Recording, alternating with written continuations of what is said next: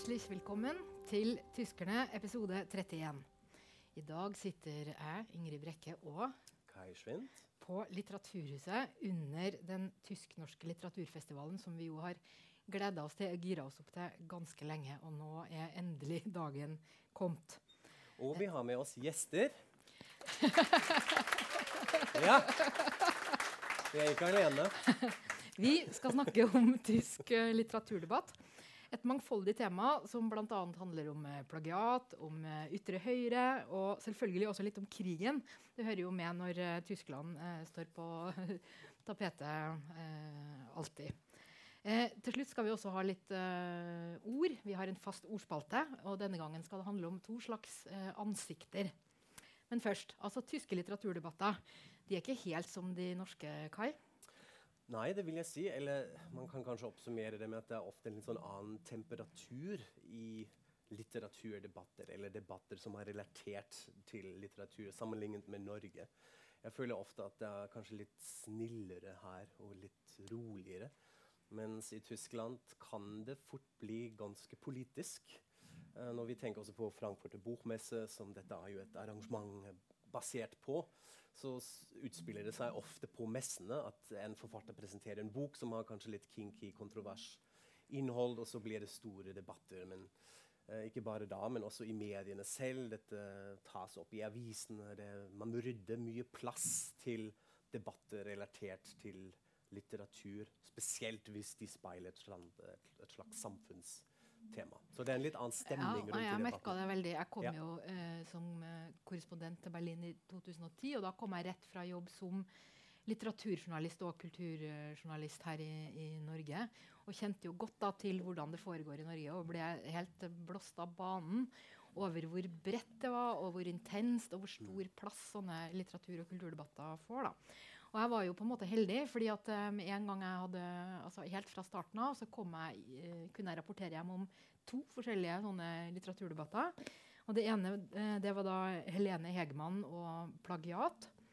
Uh, det andre var Tilo Sarasin. Han skal vi komme litt mer tilbake til senere. Men først tenkte jeg bare si litt om denne Hegemann-debatten. fordi at den ligner litt på sånne debatter som vi også kjenner fra Norge, nemlig noen noen har plagiert eller, eh, eller blir anklaga for plagiat. Vi har jo nettopp hatt et tilfelle i Norge med en poet hvor flere bøker også ble fjerna fra markedet. Så dette er en type debatter vi kjenner eh, eh, ganske godt. Helene Hegemann er en veldig eh, spesiell eh, skikkelse. Hun debuterte da i 2010 med denne romanen her, 'Axolotl eh, Roadkill'. Hva betyr axolotl egentlig? Det er et dyr. Det, det er en sånn slags uh, rar liten øgle. Da er det den som er den på. Ja, den er for, ja. Mm. Dette må være et forfra-bilde av den øglen. da. har Jeg bare mest sett den i profil. Den er litt sånn, uh, ja. Uh, og hun var 17 år og kommer fra en, en profilert kunstnerfamilie. Faren er dramaturg, mora var grafiker. Og allerede før hun da eh, kom med en roman som 17-åring, hadde hun også eh, skrevet et teaterstykke som ble satt opp da hun bare var 15.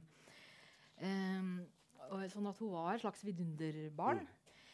Ehm, og så ble det, dette Hun fikk veldig god kritikk for romanen sin, men så ble da dette plagiatet eh, oppdaga. Og selv om vi kjenner disse plagiattemaene fra, fra Norge, så det, har det en slik, skikkelig sånn berlinsk schwung over seg hvordan det der kom for en dag. For det var nemlig det at eh, det var lange avsnitt i boka hennes om eh, klubben Berghain.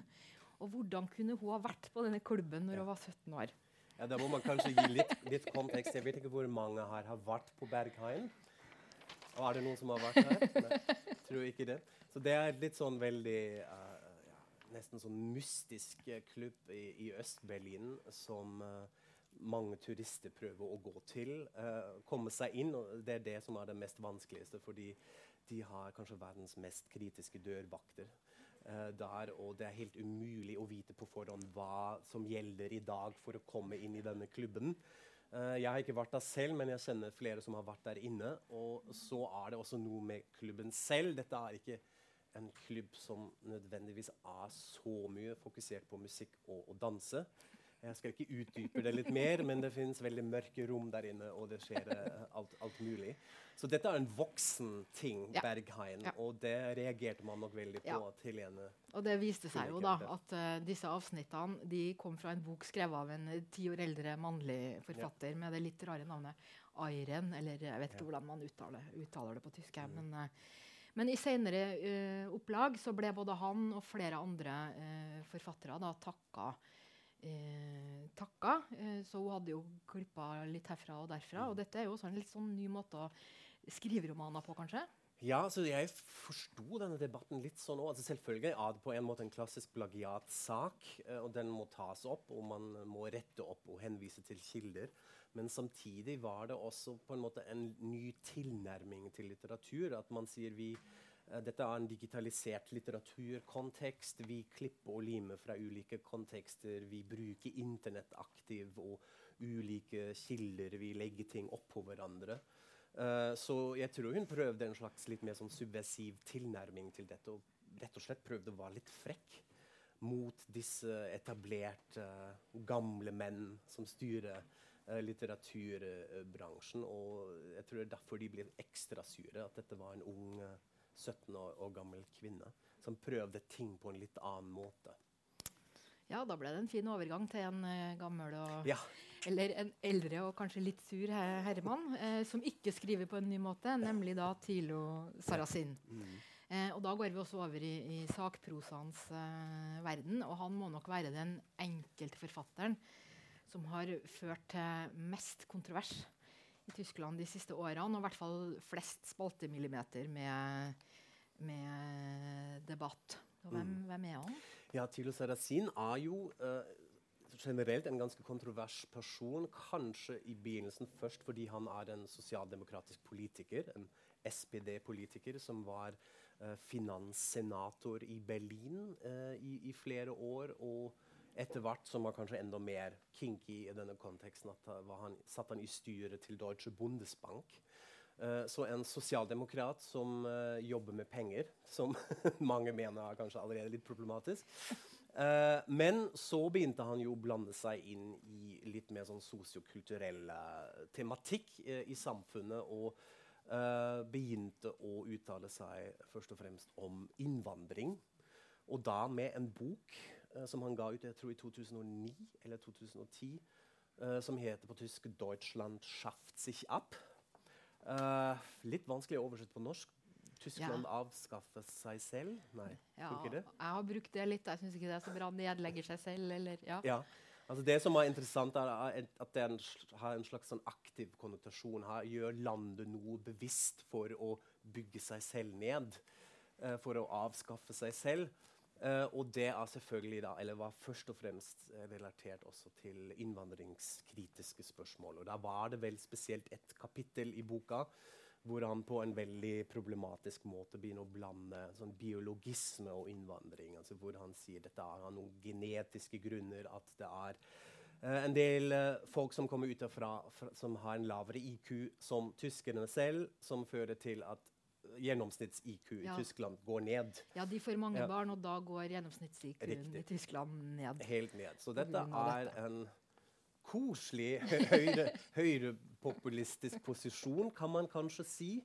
Men da uh, ytret fra en sosialdemokratisk politiker uh, som brukte jo masse sånne ja, kanskje høyrepopulistiske retoriske virkemidler også. Uh, og annet skapte mye blest på Frankfurter Bokmesse. Du har jo også sett han ja, jeg var der i, i fjor og hørte han. Han har jo utgitt bøker etter, etter denne. Ja. Uh, og det, da var det veldig annerledes, fordi da var det bare halvfull sal. Altså Interessen for han er ikke så stor lenger. Uh, og det var utrolig mye sikkerhetsfolk fortsatt. og han sjøl så dreven som han er Jeg sitter jo her med mitt papir, men han sto virkelig med papiret sitt sånn og bare leste opp. Eh, veldig pussig seanse. Eh, sånn at, eh, men han, han, har jo sine lesere og selger ganske bra. Men det som er mest interessant med han, er at han var begynnelsen på en slags bølge, da, kan man si. Eller, eller, han var tidlig ute med mm. denne høyrepopulistiske nye litteraturen, som jo har blitt mer og mer. og Etter hvert har man jo på bokmessa i Frankfurt fått en del problemer med hva skal man gjøre med disse uh, forlagene som kommer og bare publiserer ytterliggående litteratur. og Det har det vært masse rabalder om. Og så har man en, en, skikkelse som Bjørn Høkke, som er AFD-politiker, men også kommer med bøker, og som er nå den som som har overtatt alt rabalderet etter Sarasin, da kan man kanskje si i disse uh, sammenhengene. Da. Det var Sarasin. Men i, i den ja, tråden videre, ja, i, den, i, tråden videre her så tenkte vi at vi skulle gå litt inn i også uh, en skjønnlitterær debatt som mm. også henger sammen med dette nye ytre høyre, og det er Ove Tellkamp. Og Det er en veldig interessant forfatter som kanskje mange kjenner fordi han har skrevet 'Tårnet', også oversatt til norsk en fantastisk eh, roman om hvordan borgerskapet i Dresden klarte seg gjennom kommunisttida i, i DDR. Og han har også han markerte seg først i, til støtte for disse ytre høyre-forlagene eh, under bokmessa i, i, Frankfurt. Og han skrev også senere under på eh, en slags sånn erklæring eh, til, eh, for dem som var bekymra for masseinnvandringen. Omtrent sånn tror jeg det var, sammen med bl.a. Uh, Sarasin. da. Og så havna han i en uh, debatt. Det var en arrangert offentlig debatt før bokmessa i Leipzig med da denne Dors uh, Grünbein, en annen forfatter. Og begge disse, uh, som da har det liberale standpunktet, Eh, og begge disse tilhører da forlaget Sorkamp, som er en av de mest sånn prestisjefylte forlagene. Og der valgte da Sorkamp å støtte Grunbein mot mm. Telkamp. Og dette var jo, særlig i norsk kontekst fremstår jo dette kjemperart. Ja, Det er jo kanskje det også en sånn forskjell. altså Nå vil jeg ikke si at uh, norske forlag ikke tar liksom, politiske posisjoner. Men nettopp her i den konteksten viser det kanskje til noe spesielt tysk. En sånn spesiell moralsk forpliktelse som man mener man må ha eh, som forlag når man behandler disse, eh, denne typen debatten, som berører selvfølgelig igjen også fortiden, og hvordan skal Tyskland håndtere innvandring.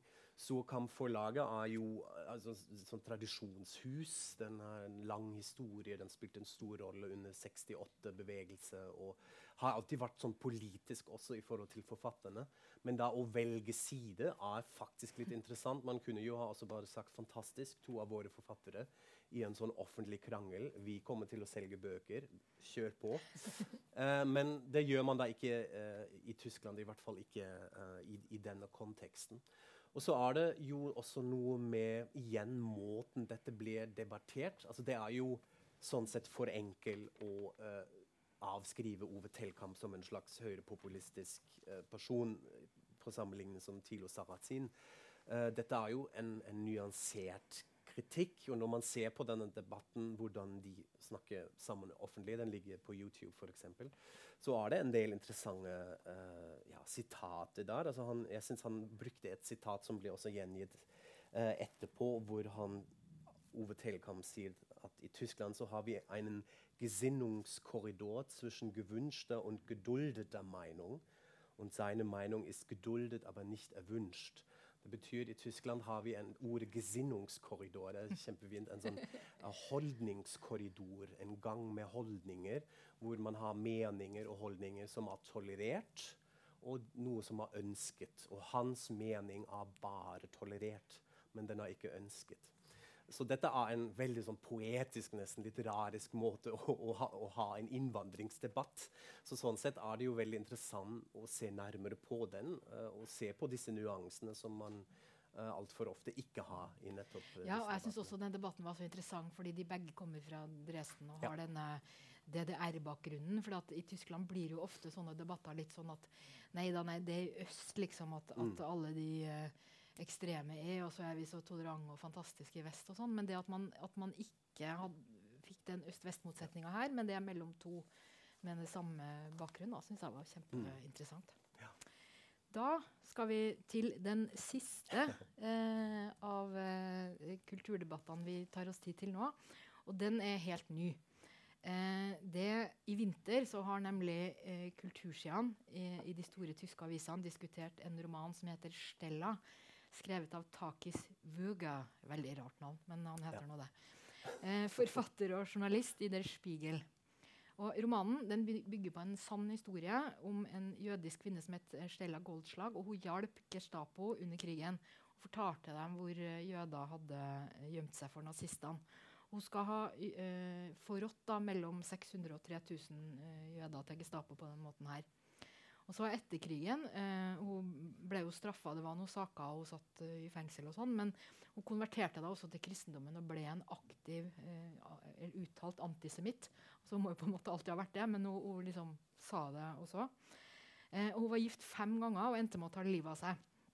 Så man skjønner jo det at dette er en historie som bare skriker etter å bli fortalt, og at det er en, et uh, fristende tema for en uh, romanforfatter.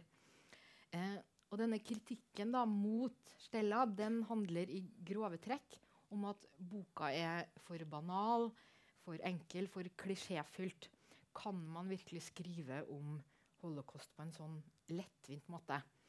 Og så eh, eh, Süddeutsche Zeitung hadde en kjempelang sånn slakt. Jeg skal bare gjengi disse siste tre linjene som bare sier noe om, eh, om eh, uh, hvor sterkt ut uh, anmelderen går. Han, han, kaller denne boka for symbolet på en bransje som har mista alle etiske og estetiske uh, målestokker når de tror eller gir seg ut for at en sånn bok er en, et verdifullt bidrag til noe slags minne om Shoah, om holocaust.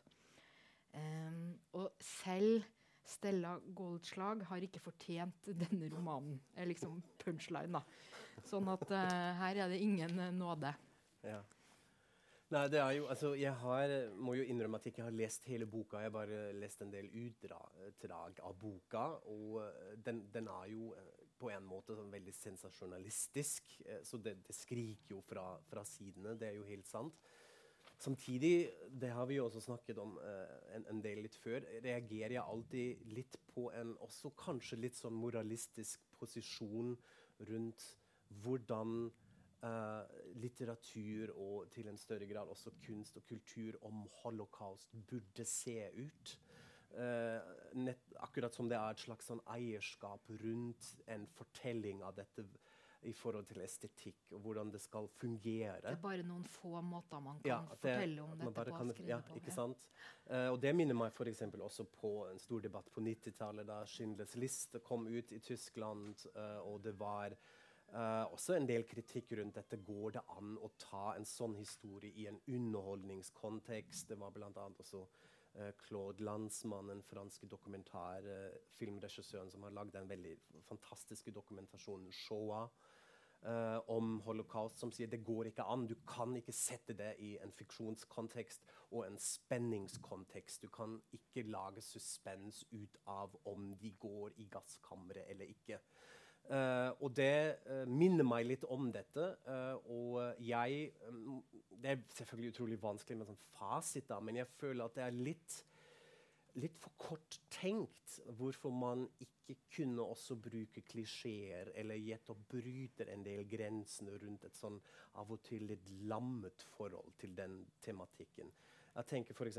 Uh, på Quentin Tarantino og 'Inglorious Bastards' hvor han dreper Hitler i filmen på slutten.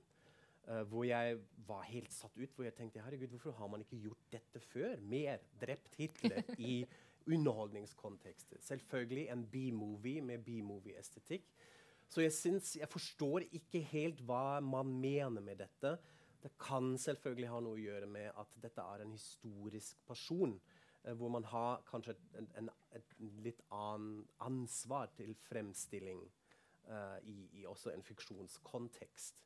Eh, men jeg reagerte litt på en veldig sånn nedenfra-måte å slakte uh, denne boka. Han, han, har jo også fått altså Denne debatten har jo vært Eller det har vært også en litt sånn pussig situasjon. fordi at Forfatteren fikk jo til slutt nå for et par uker siden en støtteerklæring fra tyske bokhandlere. Ja. Så de publiserte da et brev i bransjebladet Eh, hvor de sier at de vil fortsette å, å uh, promotere uh, Stella og selge Stella. Og det sier vel også noe om hvor hardt angrepet har vært på forfatteren, antagelig. Men det er jo ja, nei, det er veldig pussig, Mm. pussig det hele. Men så er vi jo antageligvis veldig glad i sånne støtteerklæringer Ja. At man må se, Ja. sette det opp og støtte og et ta brev og side. skriver under. Ja, Ja. absolutt. Vi. Vi skriver en støtteerklæring for støtte støtteerklæringer. Ja. Så dette, her, dette er jo ikke helt ferdig, diskusjonen rundt Stella, så det blir jo spennende å følge med uh, videre. Ja, da skal vi over til ordspalten vår. Um, I dag har vi altså med oss eh, to ord uh, om to forskjellige ansikter. Og du kan jo begynne med ditt, uh, ikke med ditt ansikt, da, men med det ansiktet du har med. Jeg håper Kai? ikke at mitt ansikt uh, triggerer dette her. Um, I den ordspalten må vi kanskje si tar vi opp som pussige ord. Altså, eh, gjerne tyske, men også en del norske ord som vi syns er morsomme eller er veldig annerledes. Og I dag kom vi som sagt på den ansikttematikken, og da er det ordet 'backpfeifengesicht'. eh, som du eh, reagerte litt på fordi du skjønte ikke hva det var. Du, Nei, jeg hadde ikke først, vært, første gang, gang. nei. altså Oversettelse av vel ørefikansikt. Ja. eh, med backpfeife som et litt sånn gammeldags ord for årfeige, som vi også har, altså ørfik på tysk. Eh, og det er ja, hva, Hvordan forklarer man det best? Dette er en, et ansikt eller da en person som man har lyst til å slå Ja. hele tida. ja, da er det ikke ditt ansikt, Kai. Takk. Kanskje Tilo Sarrazin eller Nei, han er litt for stakkarslig, syns Ja, jeg. nei, stemmer. Bjørn Høkke, kanskje. Ja. Men uh, dette er altså et sånn egentlig veldig fint konsept. eh, eh, og vi, vi kjenner oss jo alle igjen i dette at det finnes personer hvor man tenker nå må du slutte å snakke. Og jeg vet bare én måte hvordan vi skal få det til. Uh, så det er, er en backpfeifengesicht. Jeg vet ikke om det har en annen konnotasjon, eller jeg vet ikke hva slags historisk opphav dette har, eller sånn etymologisk hvor dette kommer fra, men jeg tror det er, eh, det er ganske bokstavelig. Ja, det er et fint, det det er. fint ord man kan få bruk for. Ja. Absolutt. Men du har også med et ansiktsord. Ja, men jeg har med et sånn koselig og mykt og snilt ord, da, nemlig milkesikt. Melkeansikt. Mm. Eh, og jeg så det jeg brukte om en eh, kanskje ikke så hyggelig eh, mann, da, men en, en ung mannlig politiker som nå har blitt Marine Le Pens eh, nest, eh, som hun sender rundt på sånne valgkamper og sånn. Eh, og eh, milkesikt det betyr jo da at man ser eh, veldig ung og, og gutteaktig ut, men er en voksen mann, sånn, sånn som jeg har forstått det. Ja, eh, sånn tenker jeg det òg. vi har snakket litt om dette på en måte litt sånn skjønnsrelatert. Altså kan også en kvinne være en milkesikt?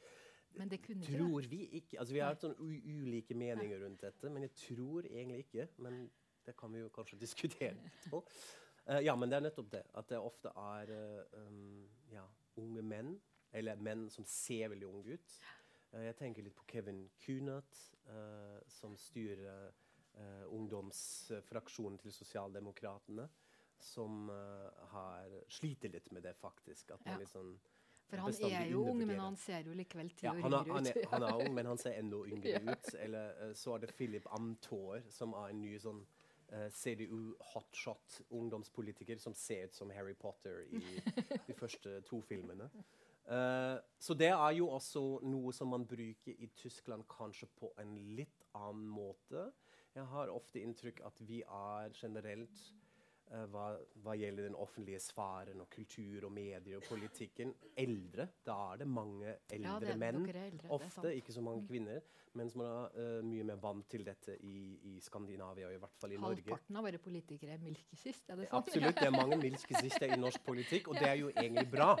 Uh, det er en, en veldig fin ting, fordi jeg mener absolutt at vi trenger en generasjonsskifte der, i politikken og i mange andre områder. Eh, men dette har jo en negativ konnotasjon. Altså, selv om den er litt hyggelig. Jeg ville ha, ikke ha brukt milchgesicht som et kompliment eh, til noen. Ikke sant? Ja. Så den høres litt hyggeligere ut fordi den ikke, ikke innebærer vold, Ja. som, som mitt ord. Litt hyggeligere, men fortsatt ikke hyggeligere. ja, nei, riktig. Da, med det, så Ja. sier vi takk for oss.